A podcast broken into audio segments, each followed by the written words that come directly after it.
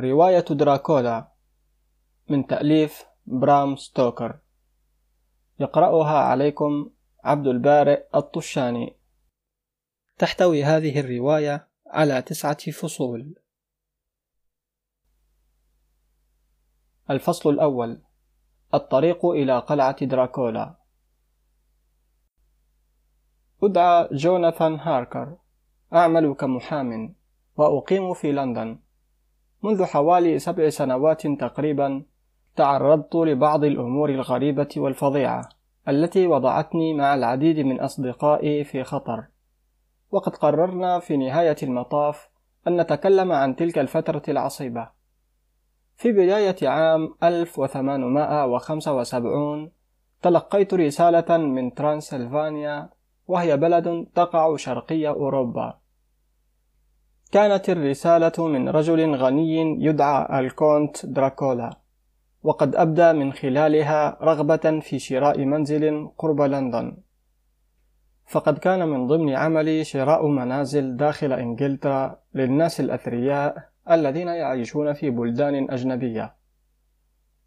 طلب مني الكونت أن أجد له منزلا قديما مع حديقة كبيرة من غير أن يبدي اهتمامه لثمنه. وجدت له منزلا قديما وواسعا شرقي لندن وأعلمته بذلك فوافق على شرائه. كان عليه أن يوقع على مجموعة من الأوراق ومما أثار دهشتي دعوته لي كي أزوره في قلعته الواقعة في ترانسلفانيا. وقد كتب في رسالته أحضر معك الأوراق وسأوقع عليها هنا. كان لدي الكثير من الأعمال. ولم تكن لدي رغبة في الذهاب إلى هناك. فإذا تجاهلت كون ترنسلفانيا بعيدة جدا وأن قلة من الإنجليز قد ذهبوا إلى هناك فلم يكن بإمكاني إغفال السبب الآخر وهو أنني كنت أنوي الزواج من عزيزتي مينا في الخريف. ولا أرغب في مغادرة إنجلترا حتى نتزوج. لكن مينا أقنعتني بالذهاب بقولها إن الكونت رجل غني. وربما تتمكن معه من القيام بعمل أكبر. فأنت تستطيع قطع مسافة كبيرة من الطريق بالقطار وفي غضون أسبوعين ستكون في الوطن ثانية. لذا قبلت دعوة الكونت دراكولا وغادرت إنجلترا في نهاية شهر نيسان وقد زودتني مينا بكتاب عن ترانسلفانيا لأقرأه في القطار. في صباح الرابع من آيار وصلت إلى بستريس وهي بلدة صغيرة في ترانسلفانيا. كان يوما جميلا والشمس مشرقة على جبال كاربثيان العظيمة. وفي مكان ما في أعالي تلك الجبال كانت قلعة دراكولا حيث يعيش الكونت. كانت هناك عربة ستأخذني من بستريس إلى ممر بورغو ومن هناك ستقلني عربة الكونت. غادرت العربة من الفندق في بستريس عند الساعة الثالثة وبذلك توجب علي الانتظار لست ساعات فقررت أن أتناول وجبة طعام. لم يكن في الفندق أحد يتكلم الإنجليزية لكن صاحب الفندق تكلم بشيء من الألمانية. فرحب بي وقدم لي وجبة دسمة. كان الفندق مكتظا بالنزلاء. فوقفت أراقبهم على اختلاف أزيائهم الملونة منها أو البراقة ولغاتهم التي لم أستطع فهمها ناديت صاحب الفندق أسأله ما الذي يمكنك أن تخبرني به عن الكونت دراكولا؟ هل سبق ورأيت قلعته؟ انصرف صاحب الفندق بعيدا دون أن يجيب على أسئلتي توقف الناس عن الكلام فجأة ثم أخذوا ينظرون إلي بدهشة وخوف وما لبثوا أن بدأوا جميعا بالكلام في نفس اللحظة. سمعت اسم دراكولا في كلامهم وتكررت أيضا كلمة أخرى لمرات عدة نظرت إلى قاموسي لأبحث عن تلك الكلمة واستنتجت أنها مصاص دماء. لكن أين قرأت هذه الكلمة من قبل؟ فتحت الكتاب الذي زودتني به مينا. كان فيه العديد من القصص القديمة عن مصاصي الدماء في ترانسلفانيا.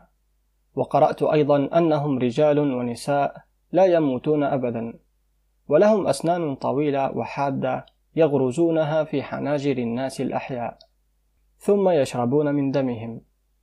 هذا الأمر نشر الخوف في ترانسلفانيا التي غالبا ما كان سكانها يرتدون صلبانا ليبقوا أنفسهم في أمان. أغلقت الكتاب بسرعة متسائلا. هل كان الناس يؤمنون بتلك القصص حقا؟ حان وقت مغادرتي. فدفعت ثمن وجبتي ثم سرت خارجا وصعدت إلى العربة. وفجأة هرع إلي صاحب الفندق وتحدث معي من خلال النافذة. هل يجب أن تذهب إلى قلعة دراكولا؟ لا تذهب إلى ذلك المكان الفظيع. فأجبته إن لدي عملا مهما مع الكونت. إذا خذ هذا وليساعدك الرب. ثم وضع صليبا ذهبيا مع سلسلة في يدي. عندما بدأت العربة بالتحرك اجتاحتني أفكار غريبة. من يا ترى ذلك الرجل الذي كنت سأقابله؟ وهل لديه قوة غريبة فعلا؟ لا. لم أستطع تصديق ذلك. في غمرة تلك الأفكار انطلقت العربة مسرعة نحو أعالي الجبال التي تكسو الثلوج بعض قممها والشمس تلقي بنورها على الأشجار ومياه الأنهار الصغيرة. يا لترانسلفانيا كم كانت بلدا جميلا. أصبحت الجبال أكثر قربا إلينا وأخذت الطريق بالارتفاع شيئا فشيئا. والظلال تزداد تدريجيا مع بدء الشمس بالغروب خلف الجبال إلى أن اختفى نورها نهائيا. فأصبحت السماء داكنة والجبال معتمة. ثم ازدادت سرعة العربة مع سماعي لصوت فظيع. صوت عويل الذئاب. وما هي إلا لحظات حتى سطع القمر. ومع ظهوره بدأت أرى أشكالا وخيالات بالقرب من الطريق والعربة تتابع سيرها نحو الأعلى إلى أن ظهر طريق ضيق إلى اليمين فتوقفت عنده. لقد وصلنا إلى ممر بورغو ومن أسفل الطريق أقبلت عربة تجرها أربعة خيول سوداء وعند توقفها صرخ السائق. لقد أتيت من قلعة دراكولا أين السيد الإنجليزي؟ فأجبت هنا. فقفز السائق من العربة وأخذ حقيبتي وأمسكني من ذراعي.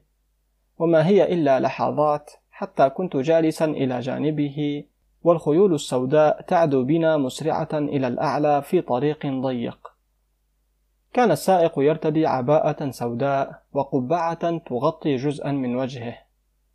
في ذلك الوقت بدت جدران سوداء عالية على كلا الجانبين.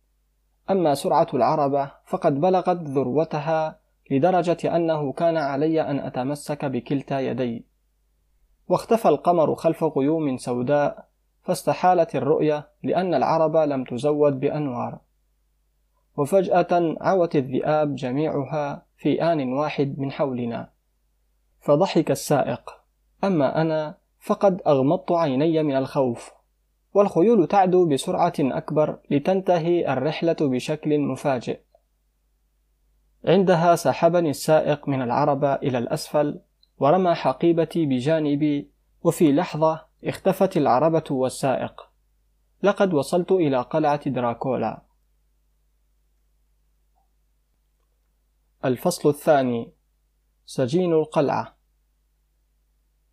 نظرت إلى الأعلى نحو جدران القلعة العالية. لم تكن هناك أية أنوار في أي من النوافذ.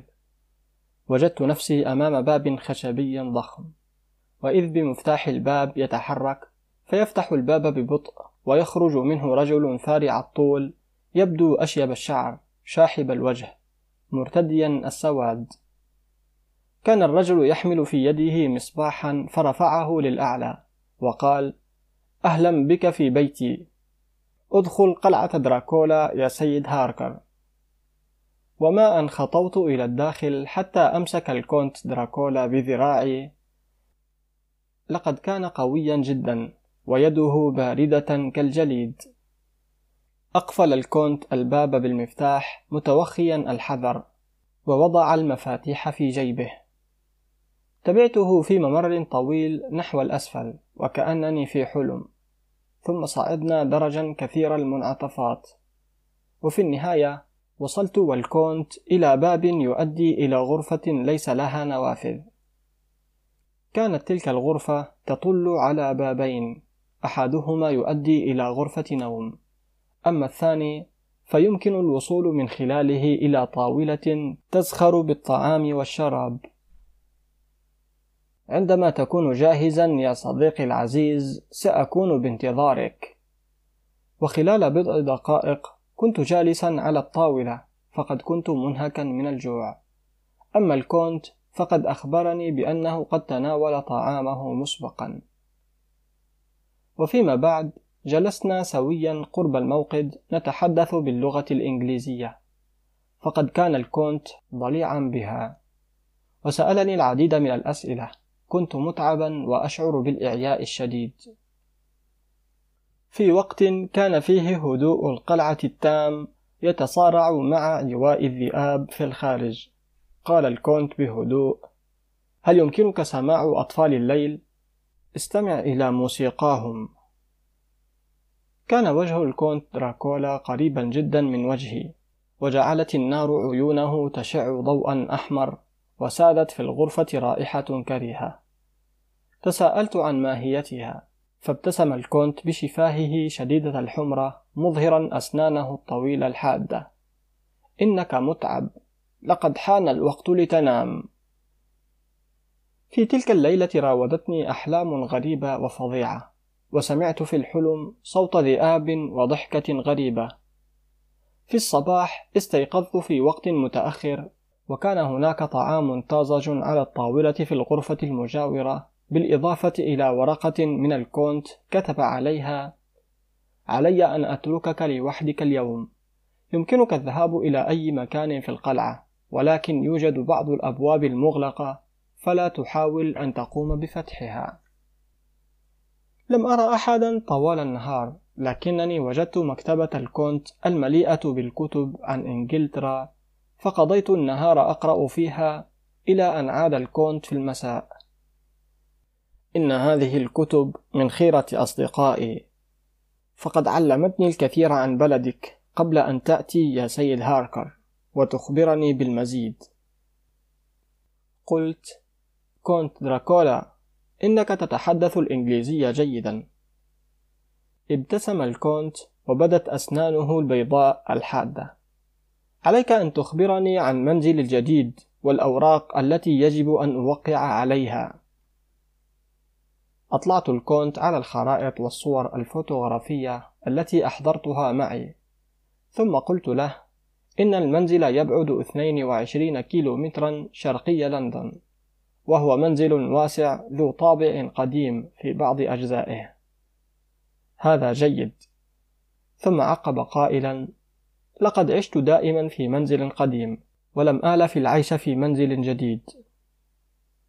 للحدائق جدار مرتفع حولها وهذه صورة فوتوغرافية للمدفن الذي يعتبر الجزء الأقدم من المنزل. فقال الكونت بهدوء إذا سأكون بالقرب من توابيت الموتى. ثم أمسك الصورة بيده فلاحظت أظافره الطويلة الحادة. استمر الكونت بالكلام طوال الليل وقد غلبني النعاس لوهلة. لكني صحوت فجأة لأجد الكونت يتكئ علي وتصدر من أنفاسه رائحة فظيعة. بماذا تذكرني هذه الرائحة يا ترى؟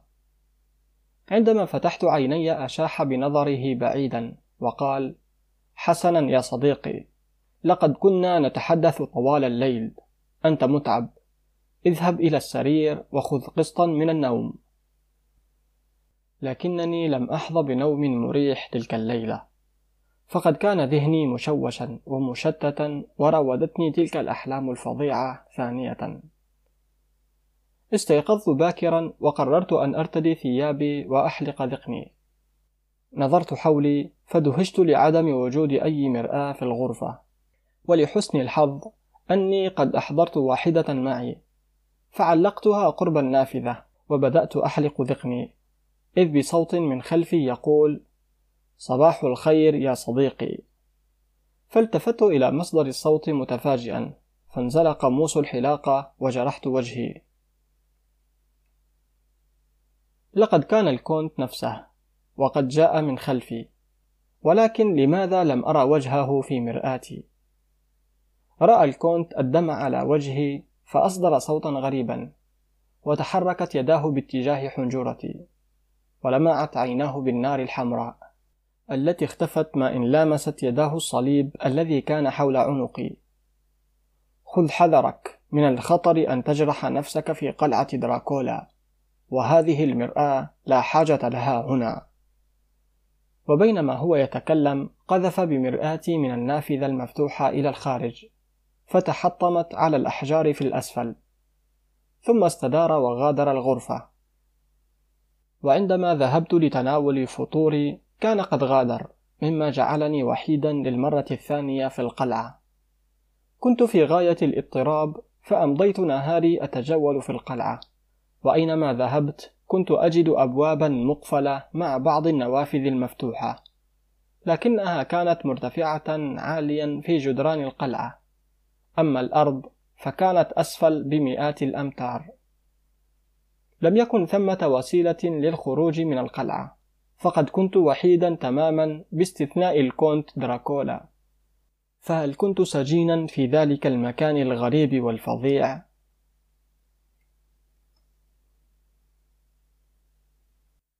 الفصل الثالث مصاصو الدماء. مر الوقت ثقيلا. وكنت أرى الكونت دائما في الليل. أما نهارا فقد كنت أجلس في المكتبة أقرأ كتابا أو أتمشى على مهل في ممرات القلعة الطويلة. تم التوقيع على الأوراق وكنت جاهزا للمغادرة لكن الكونت لم يكن يسمح لي بالذهاب. كان يسألني كل ليلة أسئلة أكثر عن إنجلترا وعندما أطلب منه المغادرة كان يبتسم دائما ولا يجيب. كان الخوف يتملكني. فقد كان للكونت تأثير غريب علي. أخذ بالازدياد يوما بعد يوم مما جعلني مشوشا وغير قادر على التفكير لإيجاد طريقة للهروب من قلعة دراكولا. ذات يوم دخلت غرفة لم يكن بابها مقفلا. أحسست بإرهاق شديد فاستلقيت على آريكة قبالة النافذة وعندما فتحت عيني كان الظلام قد حل جالبا معه هواء مليئا بالغبار الذهبي. غبار ما لبث أن تحول إلى أشكال لثلاث نساء صغيرات في غاية الجمال. شعرت بالخوف الممتزج بالرغبة في أن يلمسنني ويقبلنني بشفاههن الحمراء الطرية. وشعرت بجسدي متثاقلا غير قادر على الحراك. قالت امرأة لأخرى هيا أنت أولا. لكنه شاب قوي. ستكون هناك قبلات لنا جميعا. اتجهت إحدى النساء نحوي وابتسمت لتكشف عن أسنان بيضاء حادة. فأغمضت عيناي عندما اتكأت علي شاعرا بشعرها الطويل على وجهي. ما لبثت أن أصدرت صوتا غريبا ولعقت شفتيها الحمراوين.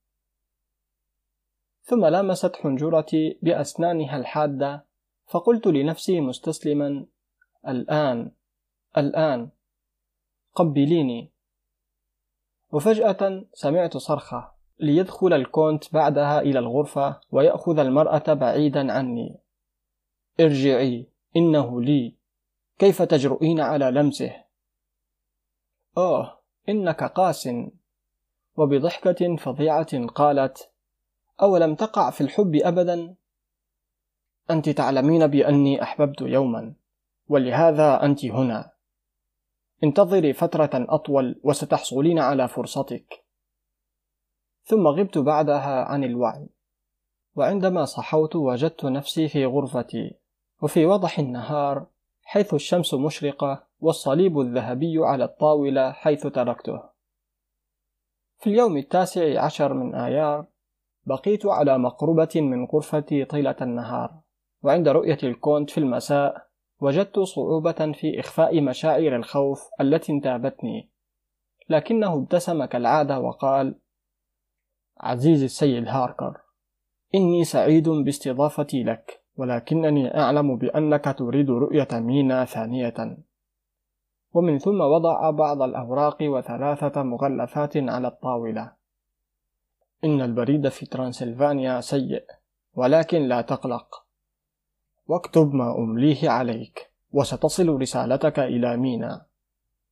ثم أخبرني بما علي أن أكتبه وجعلني أضع تواريخا على الرسائل. كان آخرها تاريخ التاسع والعشرين من حزيران. لم أكن على علم بما سأفعل فقد كنت أكتب كلمات الكونت تحت تأثير الخوف. وفي الرسالة الأخيرة أخبرت مينا بأني قد غادرت القلعة متوجها إلى الوطن. علمت عندها بأن الكونت ينوي قتلي. لكن الوقت لم يحن بعد فقد كانت أمامي ستة أسابيع تفصلني عن تاريخ التاسع والعشرين من حزيران. ستة أسابيع تفصلني عن قدر المشؤوم. أيام مرت وأنا سجين دراكولا الذي ماذا كان دراكولا؟ وهل سأعرف الحقيقة عنه؟ ثم جاء التاسع والعشرون من حزيران وفي تلك الليلة تحدث إلي الكونت. يجب أن نفترق يا صديقي العزيز. غدا سأذهب إلى إنجلترا وربما سنلتقي ثانية. ما الذي قصده يا ترى؟ كان علي إيجاد الحقيقة. فقررت أن أتبع دراكولا إلى غرفته ورأيته يدخل ويقفل الباب وراءه. ومن ثم سمعت صوت النافذة تفتح. نظرت من نافذة في الممر فتمكنت من رؤية نافذة غرفة الكونت. وبينما كنت أراقب أخرج دراكولا رأسه من النافذة وقفز إلى الأسفل. وبدت عباءته أشبه بجناحي طائر كبير. نعم. لقد رأيته وهو يقفز إلى الأسفل ثم يتوارى عن الأنظار تحت ضوء القمر الساطع كان علي أن أفكر وأقوم بوضع خطة. عدت إلى غرفتي أطالع كتابي الخاص بترانسلفانيا ثانية. فقرأت أن مصاصي الدماء يصطادون ويقتلون ليلا ويتحولون إلى حيوانات أحيانا. لكن خلال النهار يفقدون قواهم الغريبة. لم يسبق لي أن رأيت الكونت دراكولا خلال النهار أبدا وهذا يعني أنني إذا دخلت غرفته نهارا فربما لن يتمكن من إيذائي وبذلك أستطيع أن آخذ مفاتيحه وأنجو أخيرا. انتظرت طوال الليل بالقرب من النافذة في الممر إلى أن عاد الكونت دراكولا فجرا. وعندما ارتفعت الشمس عاليا في السماء تسلقت وخرجت من النافذة ونزلت إلى أسفل الجدار بحرص ثم عبرت إلى نافذة الكونت المفتوحة. لم يكن هناك شيء في الغرفة ما عدا كمية كبيرة من النقود الذهبية. كان أحد الأبواب مقفل أما الثاني فكان مفتوحا. فدخلته ثم وصلت إلى ممر طويل من خلال درج حجري. فوجدت نفسي في مدفن قديم حيث تمت إزالة الحجارة التي كانت بالأرض وكانت هناك حفر كثيرة بالأرض. غص المدفن بالصناديق الخشبية الممتلئة ترابا والتي يقارب عددها الخمسين.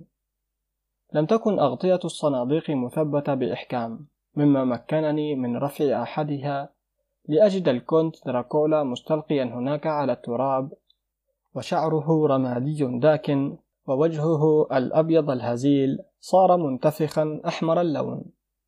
والدم الطازج يجري في شفتيه. لكن رائحة فظيعة انتشرت في تلك الأثناء. رائحة الدم. إنه يرتاح بعد تناول وجبته. فبالرغم من أن عيونه كانت مفتوحة إلا أنه لم يتحرك. واستطعت أن أرى أسنانه البيضاء الطويلة بوضوح في تلك اللحظة. سمعت صرخات ووقع خطى. فركضت راجعا عبر الباب إلى الممر حيث وقفت هناك أنصت بعد أن أوصد الباب خلفي. امتلأ المدفن بالرجال الذين باشروا بالطرق على أغطية الصناديق ثم سمعتهم وهم يجرون الصناديق على الأرض. بعد ذلك سمعت صوت باب يغلق ثم يقفل. كان الكونت دراكولا في طريقه إلى إنجلترا وقد أقفل علي داخل قلعته. جريت عبر الممر وصعدت الدرج الحجري عائدا إلى غرفة الكونت لأضع بعض القطع النقدية الذهبية في جيوبي ثم ركضت لأفتح النافذة. صليت لله وتسلقت خارج النافذة ونزلت ببطء لأسفل الجدار الذي يرتفع عدة أمتار عن الأرض.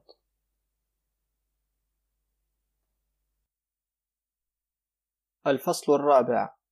زيارة إلى هيث في إنجلترا كانت مينا بانتظار عودة هاركر فرسائله القصيرة الغريبة كانت مبعث قلق لها ومثار تساؤلات عدة.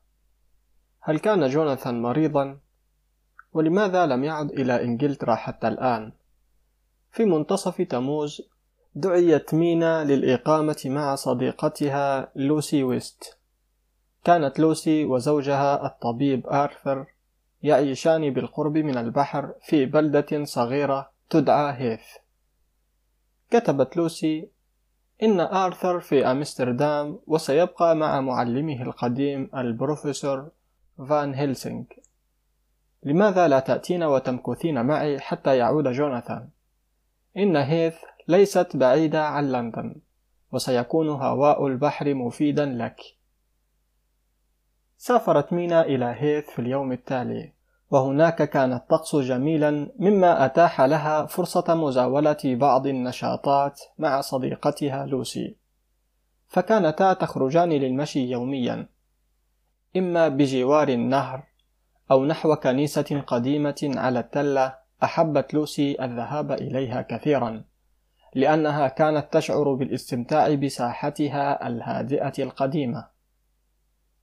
اعتادت مينا على النوم مع لوسي في نفس الغرفة وذات ليلة من أواخر شهر تموز استيقظت مينا فجأة لتجد لوسي تمشي وهي نائمة إلى خارج غرفة النوم. فأعادتها إلى سريرها.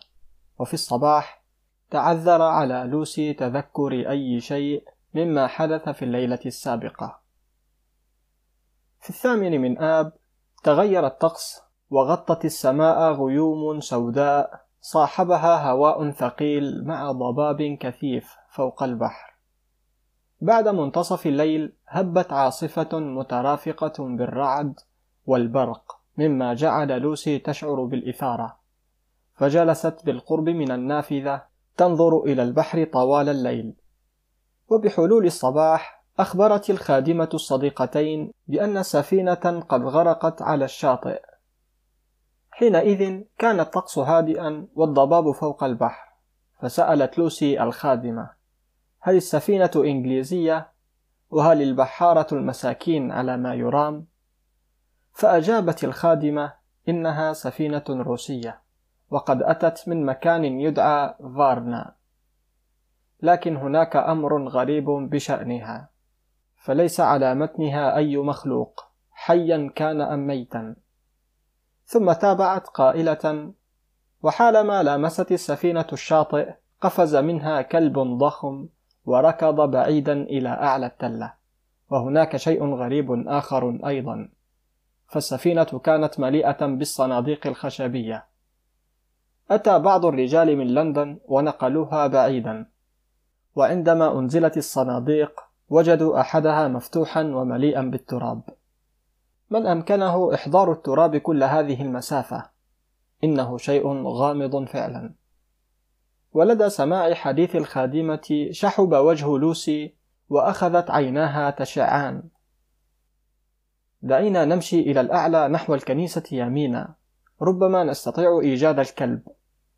لكن ساحة الكنيسة كانت فارغة ولا أثر لأي حيوان فيها. في تلك الليلة سمعت مينا صوتا فاستيقظت. كان سرير لوسي فارغا وباب غرفة النوم مفتوح على مداه. لم تكن في أي مكان من المنزل.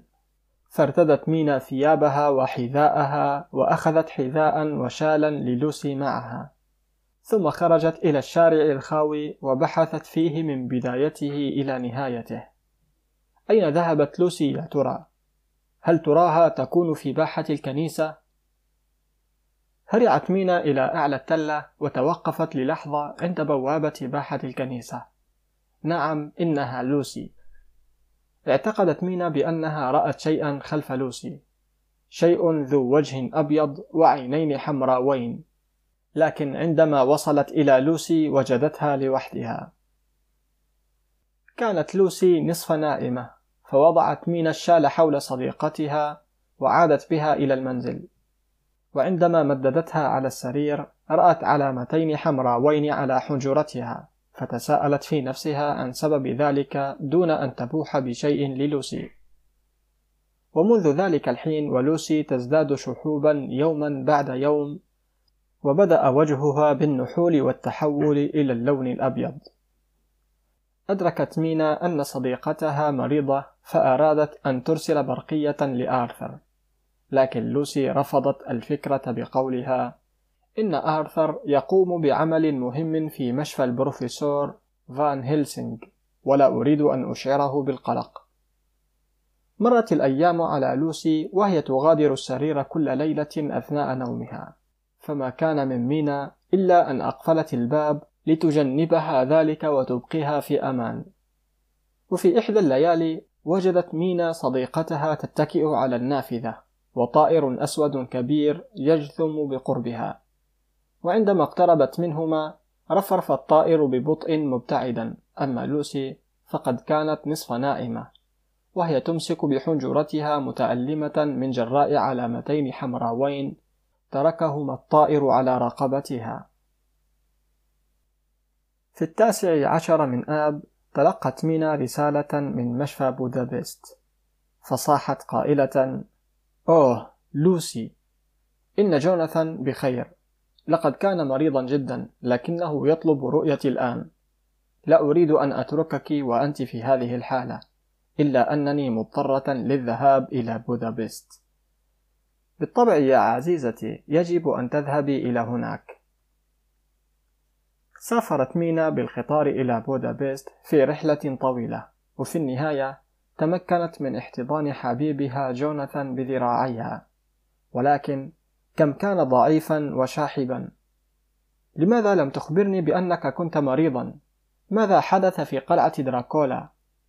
فهمس قائلا لا يمكنني التحدث عن قلعة دراكولا الآن. فقد حدثت أشياء فظيعة هناك. ولم أكن أعرف فيما إذا كنت مريضا أم مجنونا. لا أستطيع إخبارك بشيء الآن. سأخبرك لاحقا. جوناثان انسى ما حدث. يجب أن تتعافى الآن. ومن ثم سنبدأ حياتنا من جديد. رد جوناثان. نعم ولكن يجب أن نتزوج في الحال. لن أتركك أبدا بعد ذلك. تزوج جوناثان ومينا في الأول من أيلول في بودابست ولم يصلا إلى إنجلترا حتى الثامن عشر منه. كان الطقس جميلا ودافئا في لندن. وسارت عربة العروسين على مهل في وقت مبكر من المساء داخل المدينة التي عجت شوارعها بالناس السعداء. وفجأة أطلق جوناثان صرخة رهيبة. يا إلهي انظري إنه الكونت. أشار جوناثان إلى رجل طويل يتحدث إلى سيدة شابة جميلة وقد كان وجهه الأبيض قاسيا. وعندما ابتسم رأت مينا شفاهه الحمراء وأسنانه البيضاء الحادة. إن الكون دراكولا هنا في لندن. لم أكن مجنونا. وهذه الأمور قد حدثت فعلا في قلعة دراكولا. قالت مينا أرجوك جوناثان فذلك يؤثر على صحتك. إن الكونت يملك منزلا بالقرب من لندن فلماذا تستغرب وجوده هنا؟ قال جوناثان هناك أمر خطير سأخبرك به عندما نصل إلى المنزل. ولدى وصولهما إلى المنزل فتحت خادمة الباب وأخرجت برقية. لقد وصلت هذه البرقية للتو يا سيدتي. كانت البرقية عبارة عن رسالة قصيرة جدا. أرسلها الدكتور آرثر ويست زوج لوسي. وعندما قرأتها مينا فاضت عيناها بالدموع زوجتي العزيزة ماتت ودفنت البارحة آرثر فقال جوناثان بهدوء لوسي ميتة؟ لا أستطيع تصديق ذلك كيف حدث هذا؟ فقالت مينا على آرثر أن يأتي ليمكث معنا سأرسل له برقية في الحال في تلك الليلة أخبر جوناثان مينا بكل شيء عن قلعة دراكولا أخبرها عن الأشياء الرهيبة التي حدثت هناك. والآن الكونت دراكولا في لندن. ما الذي كان يخطط له هنا؟ الفصل الخامس. كيف ماتت لوسي؟ عندما وصل آرثر ويست إلى منزل آل هاركر كان يرتدي السواد وبدا وجهه شاحبا وحزينا. كان لدى الأصدقاء الثلاثة عدة أشياء للتحدث عنها. وبعد العشاء بدأت مينا الحديث قائلة عزيزي آرثر لقد شكل موت لوسي صدمة كبيرة لنا جميعا. فهل تستطيع أن تخبرنا كيف ماتت؟ قال آرثر رجعت من أمستردام بعد أسبوع تقريبا على مغادرتك هيث ولدى وصولي وجدت لوسي مريضة جدا ويبدو على وجهها الشحوب وعلى جسدها النحول الشديد. ففحصتها لكني لم أتمكن من إيجاد سبب لتلك الأعراض. قالت مينا وهل كانت مستمرة في عادتها بمغادرة السرير والمشي أثناء نومها؟ رد آرثر نعم وبدأت تنتابها أحلام غريبة ترى فيها عيونا حمراء وغبارا ذهبيا يتحرك في الهواء. غبار ذهبي كرر جوناثان هذه العبارة على مهل.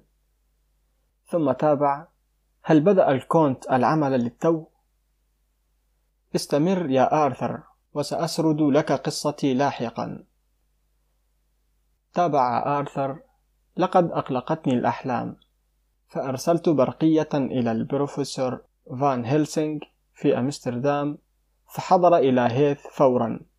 وعند وصوله كانت لوسي شديدة السقم لدرجة أنها لم تستطع النهوض من فراشها. فحصها فان هيلسينغ بحرص بالغ وأخبرني بأنها قد فقدت الكثير من دمها وتحتاج إلى نقل دم لإنقاذ حياتها. فأخبرت البروفيسور أن يأخذ الدم مني. أوه يا الله. قال جوناثان بهدوء أكانت هناك أية علامات على حنجرة لوسي؟ علامات حمراء صغيرة. بدأ آرثر متفاجئا جدا. نعم. ولكن كيف عرفت؟ لقد أقلقت تلك العلامات البروفيسور كثيرا. فسألت مينا وهل كان نقل الدم نافعا للوسي؟ نعم فقد تحسنت على الفور وأمضت ليلة هادئة وفي الصباح استيقظت مبتهجة وبصحة جيدة وقام فان هيلسينغ بزيارتها وأحضر الكثير من نباتات الثوم معه فقال جوناثان بهدوء إذا فقد كان البروفيسور على علم بالأمر على علم بماذا؟ سأل آرثر لقد كان للثوم رائحة قوية جدا فقد قام فان هيلسينغ بتوزيعه على محيط غرفة نومنا. ثم جدل بعض الأزهار البيضاء مع بعضها ووضعها حول عنق لوسي. فقال جوناثان ولماذا لم يبقي الثوم لوسي بأمان؟ لا أستطيع أن أفهم ذلك. فأخبر آرثر صديقيه ببقية القصة. مكث فان هيلسينغ في المكتبة يقرأ ولوسي نائمة في غرفتها مكللة بأزهار الثوم وتبدو بغاية الجمال وكانت نافذة غرفة النوم مغلقة. كنت خارج المنزل لساعات عديدة حتى الصباح وعندما عدت كان المنزل هادئا فاتجهت إلى المكتبة لأجد فان هيلسينغ نائما على كرسي. فناديته لكنه لم يستيقظ. هنا تملكني الخوف فجأة فهرعت إلى الأعلى نحو غرفة نومنا وإذ بزجاج النافذة قد كسر وتناثرت أجزاؤه في أرجاء الغرفة بينما كانت لوسي ممددة على السرير مغمضة العينين وأزهار الثوم قد سحبت بعيدا عن رقبتها. ثم توقف آرثر عن الكلام والدموع تملأ عينيه. وبعد لحظات تابع. ركضت لأستدعي فان هيلسينغ وناديته باسمه مرات عدة قبل أن يستيقظ ويذهب معي مسرعا إلى غرفة النوم. وعندما رأى لوسي أخبرني بأنها تحتضر والعلامات على حنجرتها قد اختفت. قال فان هيلسينغ بأنه يجب أن نوقظ لوسي على الفور فيجب ألا تموت وهي نائمة. وفي تلك اللحظة فتحت لوسي عينيها ونظرت إلي مبتسمة ثم تحدثت. كان صوتها بطيئا وغريبا. أخبرتني بأن رجلا قد أطل على النافذة وناداها مرارا وتكرارا. ففتحت النافذة وطلبت منه الدخول. أمسكت لوسي بيدي وكانت أصابعها باردة كالجليد. طلبت مني أن أقبلها. وعندما هممت لألبي طلبها سحبني فان هيلسينغ بعيدا مما أدى إلى تلون وجه لوسي بالغضب وأصبحت عيونها قاسية. لقد كانت لوسي قبيحة وأنا غطى آرثر وجهه. لقد كان الأمر فظيعا فلم تبدو كلوسي على الإطلاق. مسكينة لوسي. قالت مينا وهي تمسك بيد آرثر. وهل رقدت الطفلة المسكينة بسلام؟ نعم أشكر الله. عندما فتحت عينيها بدت جميلة من جديد لكن فال هيلسينغ منعني من تقبيل شفتيها. فقبلت يدها وشعرها الأسود الطويل. ثم ماتت. إن العزيزة لوسي ترقد بسلام الآن. هل هي فعلا بسلام؟ قال جوناثان بتوان ثم أردف وهل عاد البروفيسور إلى أمستردام؟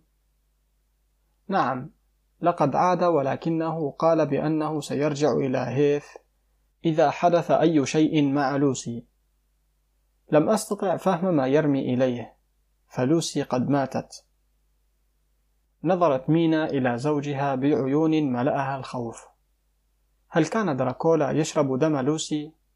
وهل هي مصاصة دماء أيضا؟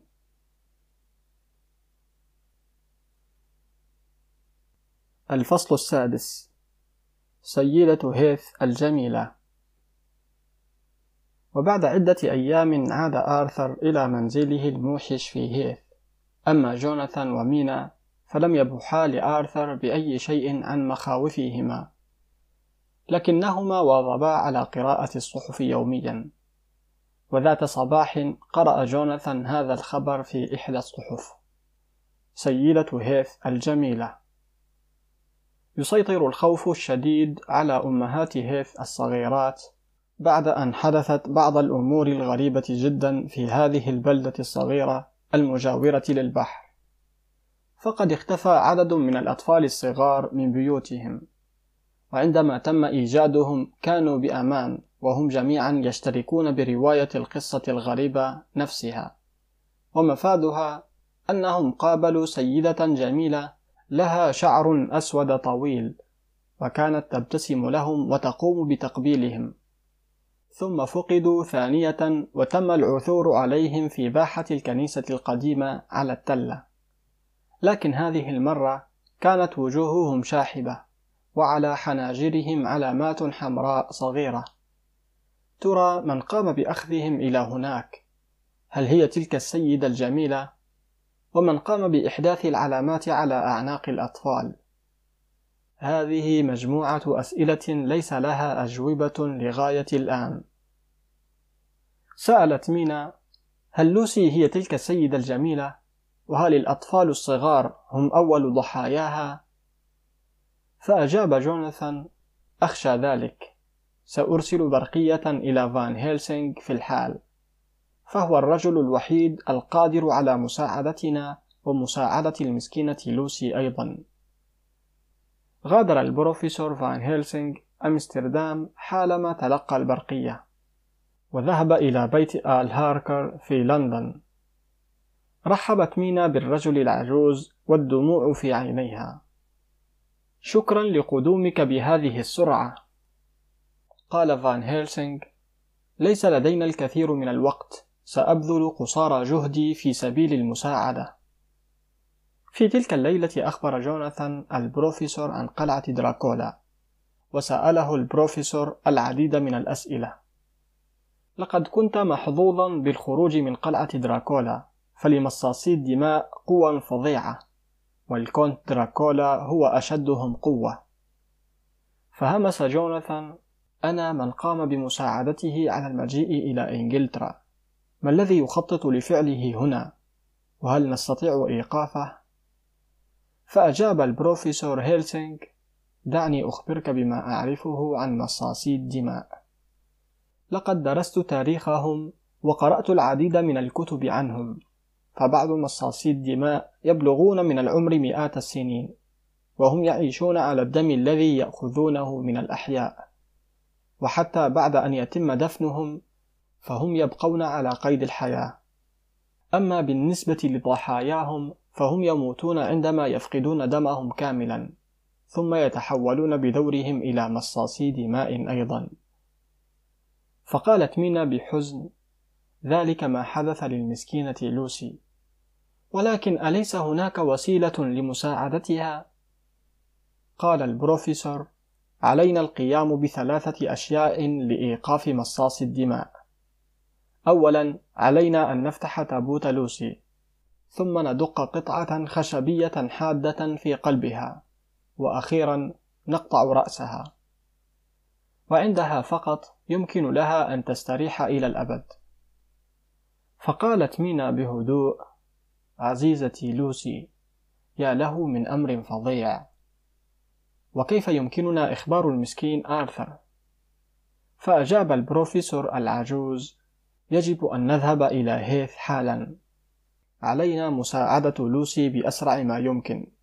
فنحن جميعا أحببناها وليس من أحد سوانا قادر على مساعدتها. فقال جوناثان بهدوء إن ذلك من دواعي سروري. فقال البروفيسور وبعد أن نفرغ من أمر لوسي علينا أن نقاتل الكونت نفسه.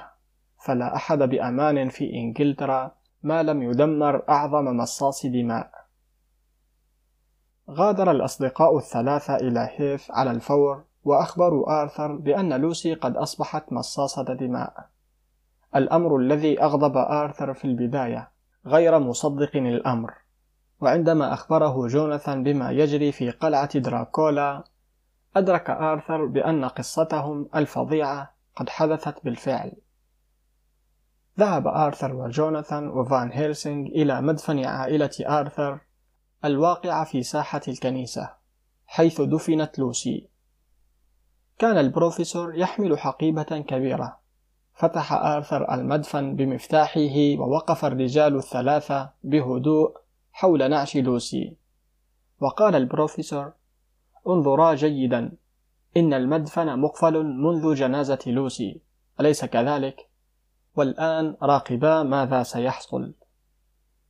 وبدأ فان هيلسينغ بفتح نعش لوسي بقطعة معدنية طويلة.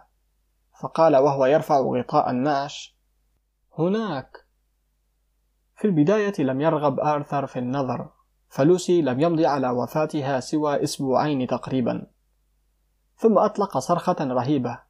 يا إلهي إن النعش فارغ. أين زوجتي؟ فأجاب جوناثان بهدوء بإمكاني الإجابة على ذلك. لوسي بحاجة إلى الدم إنها تبحث عن ضحية أخرى.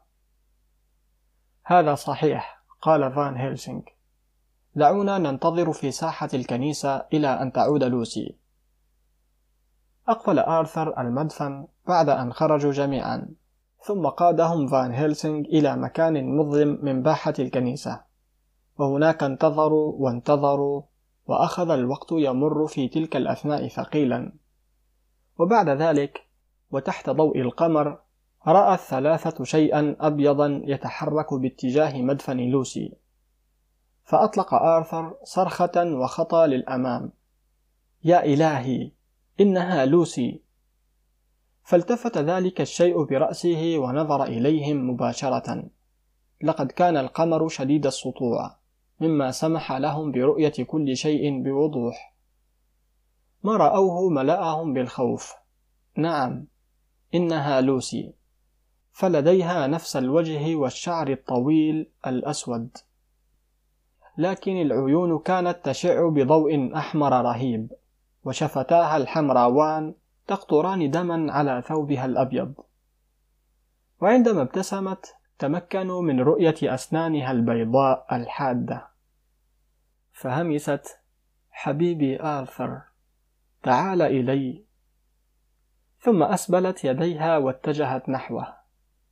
تعال إلي الآن ولا تتركني أبدا. تقدم آرثر خطوة إلى الأمام. ففتحت لوسي ذراعيها لتحضنه. فما كان من فان هيلسينغ إلا أن اعترض طريقه ممسكا بصليب كبير. وعندما رأت لوسي الصليب تلاشت ابتسامتها. واتخذ وجهها شكلا قبيحا وغاضبا. ثم أصدرت صوتا أشبه بصوت حيوان. وركضت باتجاه المدفن. كان المدفن مغلقا ومقفلا. ومع ذلك فقد اختفت مصاصة الدماء بداخله فصاح آرثر أوه يا إلهي هل كان ذلك الشيء الرهيب لوسي؟ فأخبره فان هيلسينغ إنها ليست المرأة العزيزة التي أحببتها إنها مصاصة الدماء التي استخدمت جسد لوسي ولكن إذا تحلينا بالقوة والجلد سيكون بمقدورنا أن نساعد لوسي لترقد بسلام. أعطني حقيبتي يا جوناثان. ثم دخلوا إلى المدفن من جديد في وقت كان الفجر فيه على وشك البزوغ. وعندما فتح فان هيلسينغ النعش رأوا مصاصة الدماء بداخله وعيناها مفتوحتين وتبتسم لهم ابتسامة فظيعة. فتح فان هيلسينغ حقيبته وأخرج وتدا طويلا حادا مع مطرقة ثم نظر إلى آرثر وقال سأمسك بالوتد وأصوبه إلى قلبها وحين نشرع بالصلاة ابدأ بدقه. وبنظرة أخيرة على الشيء الموجود في النعش رفع آرثر المطرقة وهوى بها مرة مرتين مرات عديدة ولدى ولوج الوتد جسد لوسي صدرت صرخات رهيبة من شفاه مصاصة الدماء وغرقت بالدماء. تابع الجميع صلاتهم إلى أن توقف ذلك الشيء الموجود في النعش عن الحراك فأنزل آرثر المطرقة وكاد يغمى عليه. انظر قال فان هيلسينغ الآن هي ترقد بسلام وهناك رقدت لوسي بسلام في نعشها. وعندما فرغ الدم من جسدها ظهرت ابتسامة جميلة على وجهها. فقال له فان هيلسينغ بإمكانك الآن تقبل زوجتك. فقبل آرثر لوسي من الشفاه ثم استدار وغادر المدفن. تعاون فان هيلسينغ مع جوناثان على قطع رأس لوسي ثم قاما بإعادة غطاء النعش إلى مكانه. وعندما غادروا المدفن كان ضوء النهار ساطعا والطيور تغني في جو دافئ. قال فان هيلسينغ لجوناثان وآرثر لقد بدأنا للتو ولن يكتمل عملنا حتى نجد الكونت دراكولا وندمره للأبد.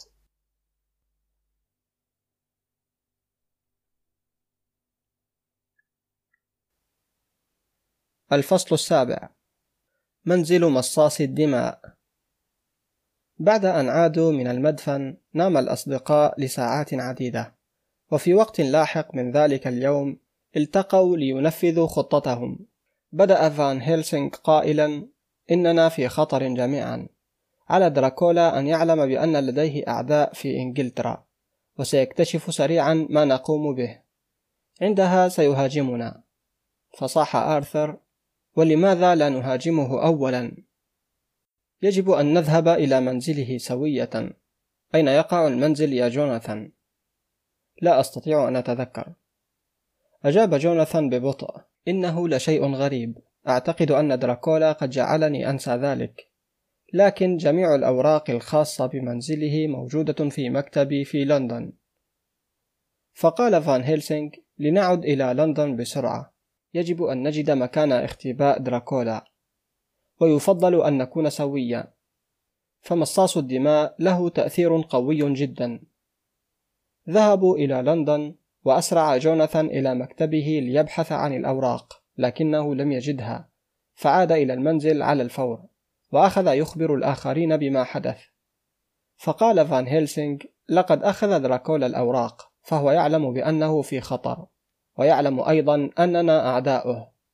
لكن ليس لمصاصي الدماء قوة أثناء النهار. ففي وضح النهار يستريح دراكولا في واحد من الصناديق التي جلبها من ترانسلفانيا. لابد وأنها في منزله الآن. فصاحت مينا ولكن أين منزله؟ فكر البروفيسور العجوز للحظة ثم نظر إلى جوناثان بتفحص. إذا وافقت يا جوناثان فسوف أنومك مغناطيسيا وعندها قد تتذكر أين يقع منزل دراكولا. نعم أوافق. افعل ما تشاء يا بروفيسور. فأنا جاهز. جلس فان هيلسينغ قبالة جوناثان وأخذ يتكلم إليه بهدوء إلى أن أغلقت عينا الرجل الشاب وأخذ يتنفس بصورة أبطأ. قال جوناثان لدى الكونت دراكولا منزل قرب لندن. أين يقع يا جوناثان؟ سأل البروفيسور. فأجاب جوناثان بصوت واضح بطيء. يعيش الكونت شرقي لندن في منزل كبير وقديم جدا. وللمنزل جدار مرتفع يحيط به. وكيف وصلت إلى هناك يا جوناثان؟ أقرب محطة قطار تبعد حوالي الميل عن المنزل. ما اسم المحطة يا جوناثان؟ من الصعب أن أتذكر اسمها. فهناك غشاوة على بصري لكنها تنجلي الآن. الاسم هو بورفليت. الغشاوة تعود. إنه غبار ذهبي. إنها عيون حمراء. يبدو أنها تبحث عني. فقال البروفيسور بسرعة استيقظ يا جوناثان. ففتح جوناثان عينيه. لقد كنت في خطر قال فان هيلسينغ. لقد علم دراكولا بما أقوم به. ليس لدينا الكثير من الوقت. فسأل آرثر ماذا ستفعل؟ فأجاب فان هيلسينغ يجب أن نذهب إلى منزل دراكولا ونبحث عن صناديق التراب. أما أنت يا مينا فعليك أن تبقي هنا. ولا تغادري المنزل. إن دراكولا ليس بعيدا عن هنا وتذكري ما حدث للوسي. فصاح جوناثان لا يمكن أن نترك مينا لوحدها. ستكون على ما يرام قال البروفيسور. لا يستطيع مصاص الدماء دخول منزل ما لم يدعى إليه. فلوسي مشت في نومها وقابلها دراكولا في باحة الكنيسة. لازم المنزل يمينا وستكونين على ما يرام. غادر الرجال الثلاثة منزل آل هاركر بعد الظهر وحملوا ما يحتاجون إليه من أشياء في حقائبهم. ثم استقلوا قطارا أوصلهم إلى محطة بورفليلت وهناك سأل البروفيسور عدة أسئلة. تمكن رجل في المحطة من الإجابة عليها.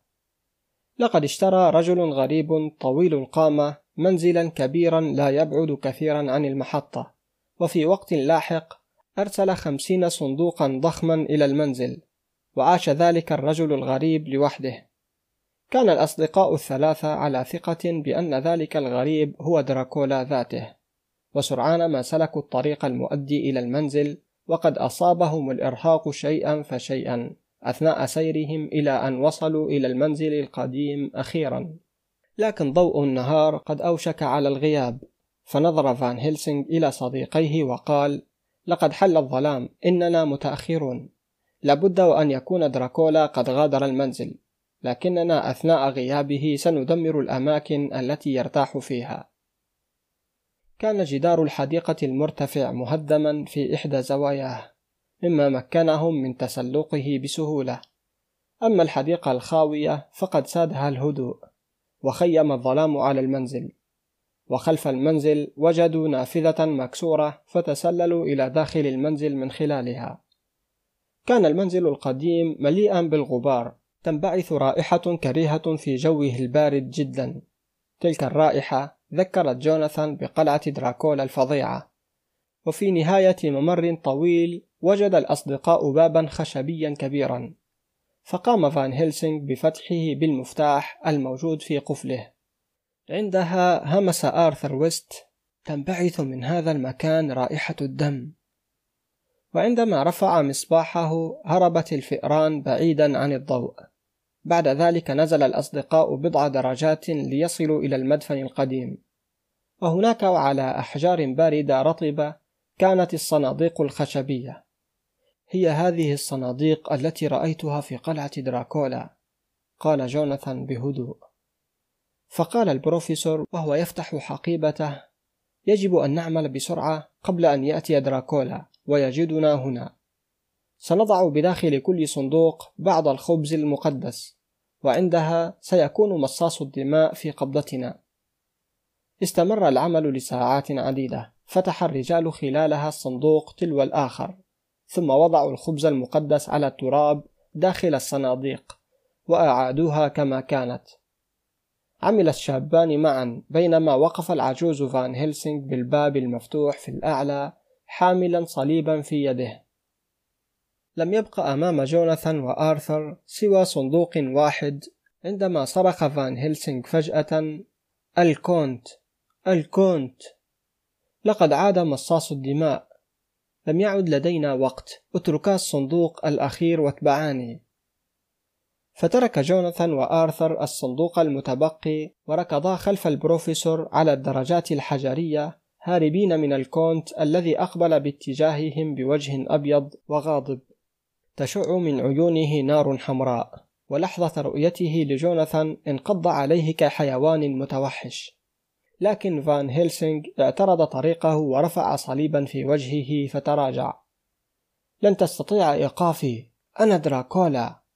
لقد عشت وقاتلت أعدائي لمئات السنين. قاتلت جيوشا فكيف لثلاثة رجال إيقافي الآن؟ وفجأة انتشر في المنزل ضباب غريب فخرج الأصدقاء الثلاثة من النافذة وركضوا عبر الحديقة إلى أن وجدوا الجزء المحطم من الجدار فتسلقوه. في الطريق كان الجو لطيفا وضوء القمر يسطع على وجوه الرجال البيضاء.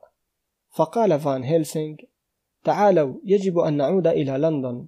فقد تكون مينا في خطر. أسرع الأصدقاء الثلاثة إلى المحطة واستقلوا القطار العائد إلى لندن. وعندما وصلوا إلى منزل جوناثان وجدوه هادئا. فتح جوناثان الباب الأمامي بالمفتاح وصعد الرجال الثلاثة إلى غرفة النوم. وبهدوء وما إن فتح جوناثان باب غرفة نومه حتى أطلق صرخة فظيعة فهرع صديقاه على إثرها إلى الغرفة. كانت نافذة غرفة النوم مفتوحة وضوء القمر يسطع من خلالها بينما مينا تقف على الشرفة وجسم أسود يتكئ عليها. إنه الكونت دراكولا. كان الكونت يحكم بإحدى قبضتيه على عنق مينا من الخلف ويثبت يديها بالقبضة الأخرى. إلا أنه لم يكن يشرب من دمها. لا بل كان الأمر أفظع من ذلك. فقد كان يضغط بوجه مينا إلى جرح كبير في صدره ويرغمها على الشرب من دمه. التفت مصاص الدماء إليهم واشتعلت عيونه بنور أحمر رهيب والدم يتساقط من شفاهه الحمراء وأسنانه البيضاء الطويلة منتهيا لتوه من تناول وجبة الدم. زمجر دراكولا غاضبا لكن فان هيلسينغ رفع صليبه عاليا وفجأة حجبت غيمة ضوء القمر فأطبق الظلام واختفى دراكولا مخلفا وراءه القليل من الغبار الذهبي المتطاير فوق الشرفة. أما المسكينة مينا فقد سيطر عليها الذعر وعندما رأت جوناثان بدأت تصرخ وتصرخ. فأعادها فان هيلسينغ إلى السرير ثم غسل الدم عن وجهها ورقبتها. ثم قال الرجل العجوز عزيزتي مينا إنك في مأمن الآن هل يمكنك أن تخبرينا بما حدث؟ فصرخت مينا آه جوناثان لماذا تركتني؟ فأجاب جوناثان وهو يمسك بيدي زوجته اعتقدت بأنك ستكونين بعيدة عن الخطر كنت نائمة أحلم رأيت غيمة من غبار ذهبي ورأيت عيونا تشتعل بنار حمراء شيء ما أيقظني صوت طفل يبكي وعندما نهضت رأيت شيئا يتحرك في الحديقة. فتحت النافذة وخرجت إلى الشرفة وفجأة رأيته يقف إلى جانبي بعيونه الحمراء وفمه القاسي وأسنانه البيضاء الحادة. فأدركت بأنه الكونت دراكولا. ابتسم وقال لا شيء سينجيك الآن إنك الآن في قبضتي. ثم غطت مينا وجهها بيديها وتابعت قائلة وضع شفاهه على حنجرتي وشرب دمي لم أكن قادرة على مقاومته والآن شربت من دمه إني مصاصة دماء أيضا. فصرخ جوناثان لا لا إنها الحقيقة فقد شربت دم الكونت وأنا تحت سيطرته يجب أن أقوم بما يريد. حتى ولو آذيتك يا زوجي. ثم نظرت مينا إلى فان هيلسينغ والدموع في عينيها. لقد ربح مصاص الدماء. فصاح فان هيلسينغ لا إنه خائف وأنا على ثقة مما أقول. لن يستطيع البقاء في إنجلترا الآن وسيستخدم الصندوق الأخير ليعود إلى بلاده. نام الآن يا مينا فأنت بحاجة إلى الراحة. لكن مينا تابعت الكلام. لقد شربت من دم الكونت وأنا تحت سيطرته ولكن ربما تمكنا من استخدام هذه القوة لتدميره. قم بتنويم مغناطيسيا يا بروفيسور قبل أن يبزغ الفجر. أعتقد بأنه يمكنني أن أخبرك بما يخطط له مصاص الدماء. جلس فان هيلسينغ بجانب مينا وحرك يده أمام وجهها فأغمضت عينيها ثم سألها أين الكونت دراكولا؟ وما الذي يخطط له؟ فأجابت إنه الظلام. وبدا صوتها بطيئا وواضحا. أسمع ماء يجري. آه إن لمصاص الدماء قوة خارقة. ولكنني أسمع صوت سفينة ورجالا يصرخون. إن السفينة جاهزة للإبحار. هناك ضباب ظلام. لم يعد بإمكاني أن أخبرك بالمزيد. وخلال بضع ثوان فتحت مينا عينيها فأخبرها جوناثان لقد ربحنا. إن مصاص الدماء يغادر إنجلترا. نحن بأمان الآن. لكن البروفيسور هز رأسه بحزن وقال وهل نسيت؟ إن مينا شربت من دم دراكولا وهو قد شرب من دمها. فإذا ماتت مينا قبل أن يدمر دراكولا فستكون مصاصة دماء إلى الأبد. الفصل الثامن. هروب مصاص الدماء.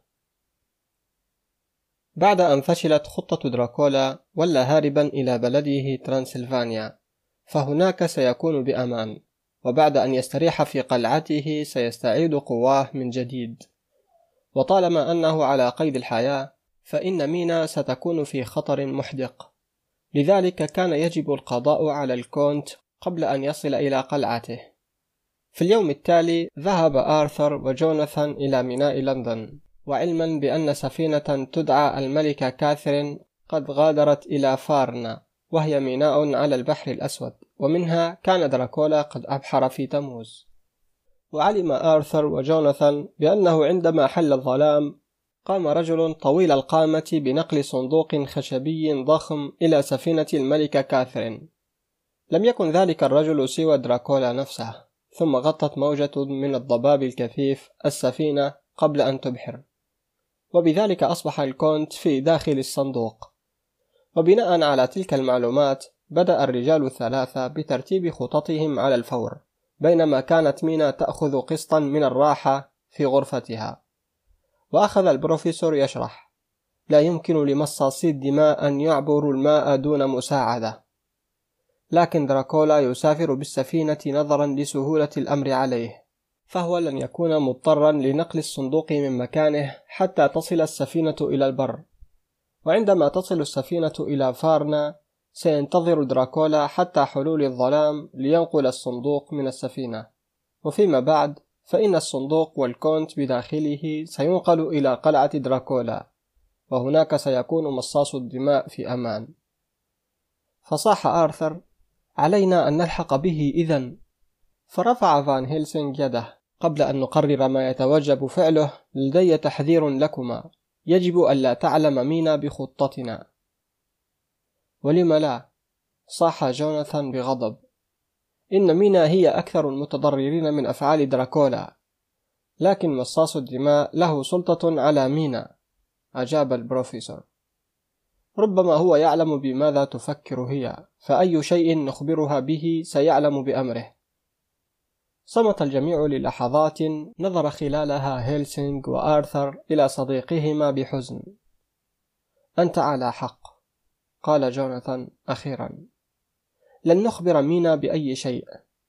فقال آرثر إذا لنلحق بدراكولا. لدي المال اللازم لاستئجار سفينة صغيرة وسريعة. لا يجب أن نلحق به على اليابسة أجاب فان هيلسينغ. فدراكولا سيبحر في السفينة بأقصى سرعة. وفي غضون أسبوعين ستصل السفينة إلى فارنا بينما إذا سافرنا سيستغرق الطريق إلى فارنا أياما قليلة فقط.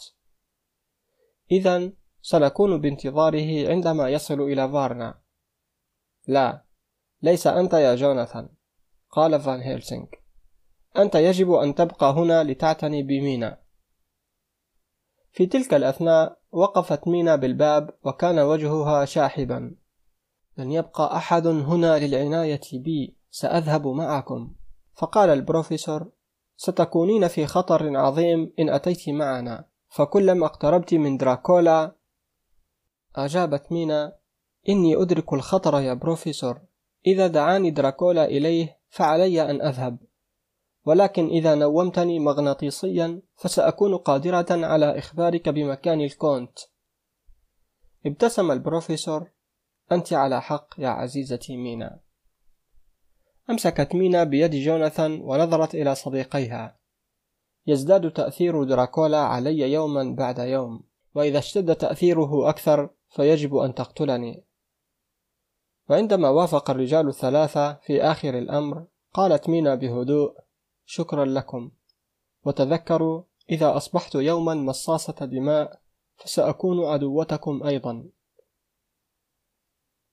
في الأسبوع الثاني من تشرين الأول بدأ الأصدقاء الأربعة رحلتهم عبر أوروبا. واستقلوا أسرع القطارات وفي أيام معدودة كانوا في فارنا. في كل يوم كان البروفيسور ينوم مينا مغناطيسيا قبل بزوغ الفجر وقبل أن يحل الظلام.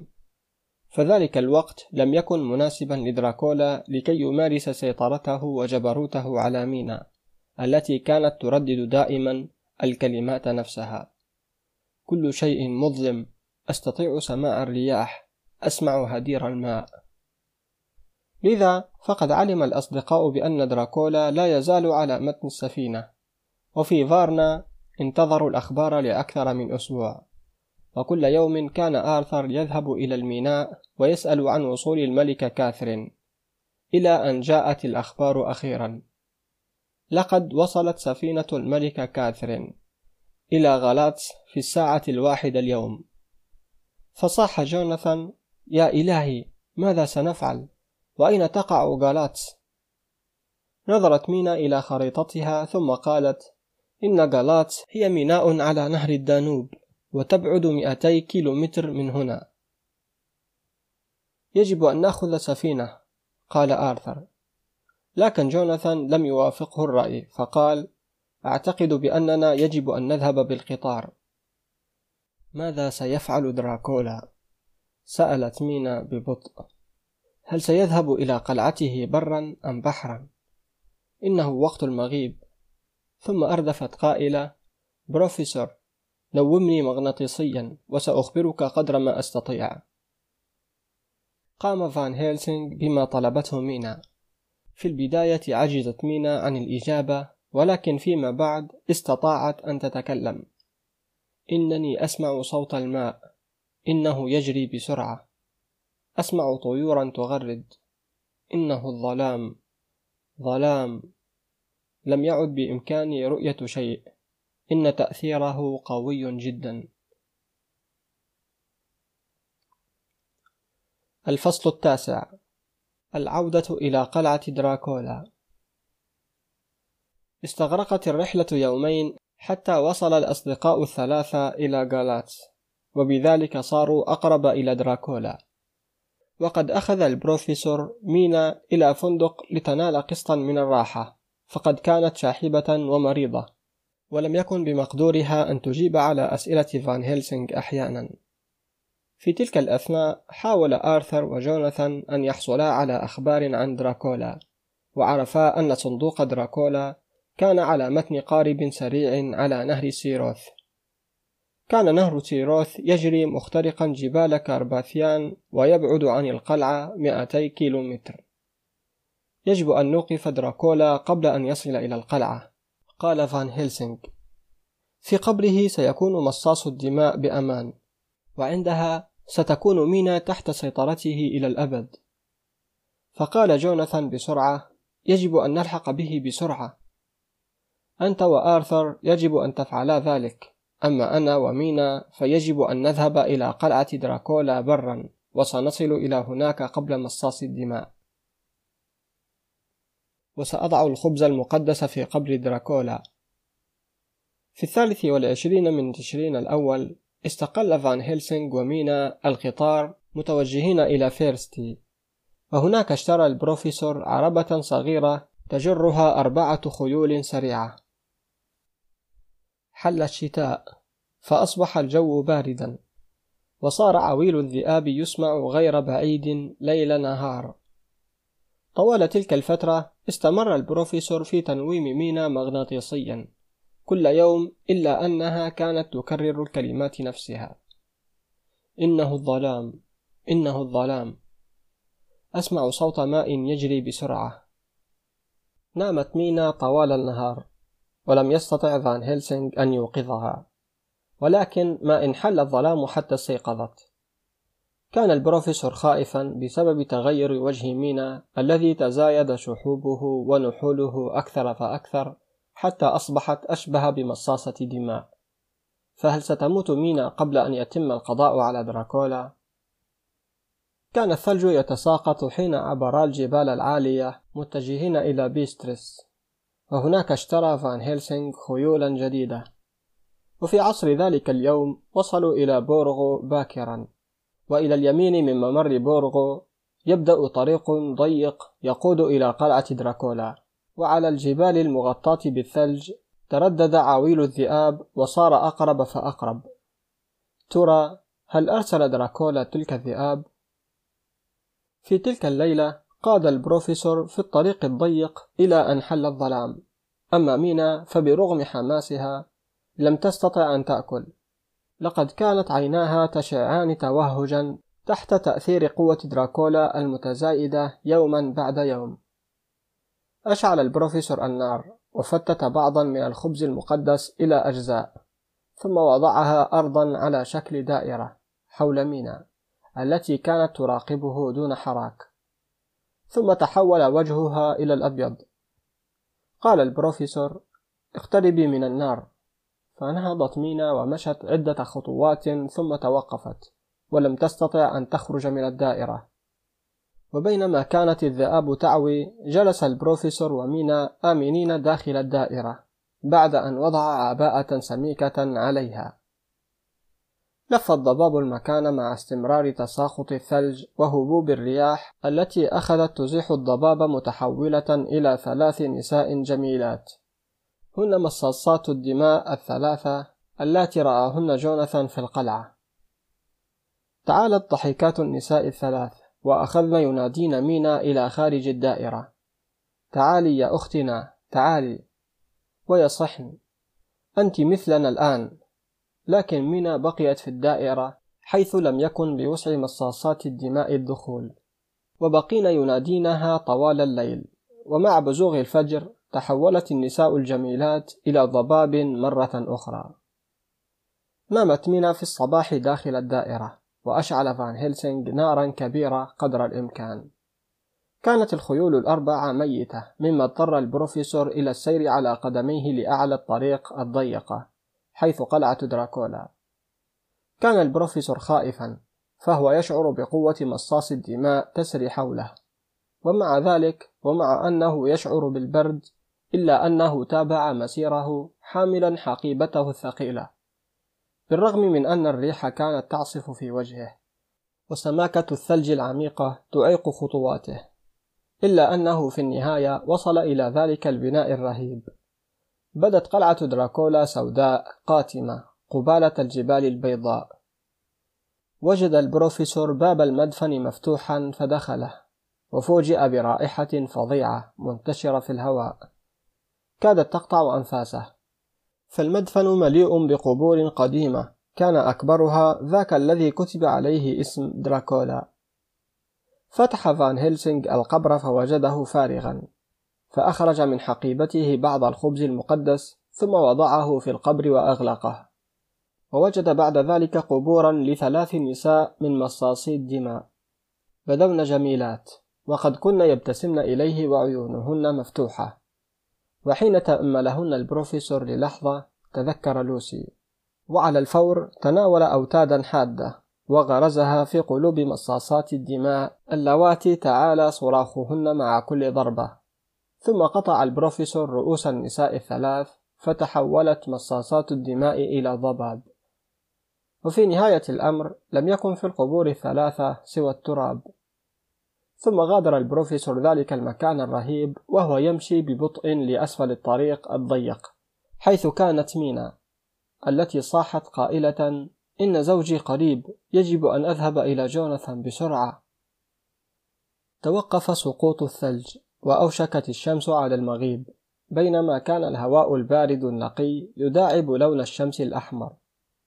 ولجهة الشمال ربضت قلعة دراكولا الكبيرة سوداء على كتف الجبل واستطاعا رؤية طريق منعطفة ضيقة تؤدي إلى طرف الجبل. وعلى طول الطريق إليها سارت عربة مسرعة حاملة صندوقا خشبيا كبيرا. كان دراكولا عائدا إلى قلعته. في تلك الأثناء كانت مينا مطمئنة إلى جانب البروفيسور الذي ضمها بذراعه.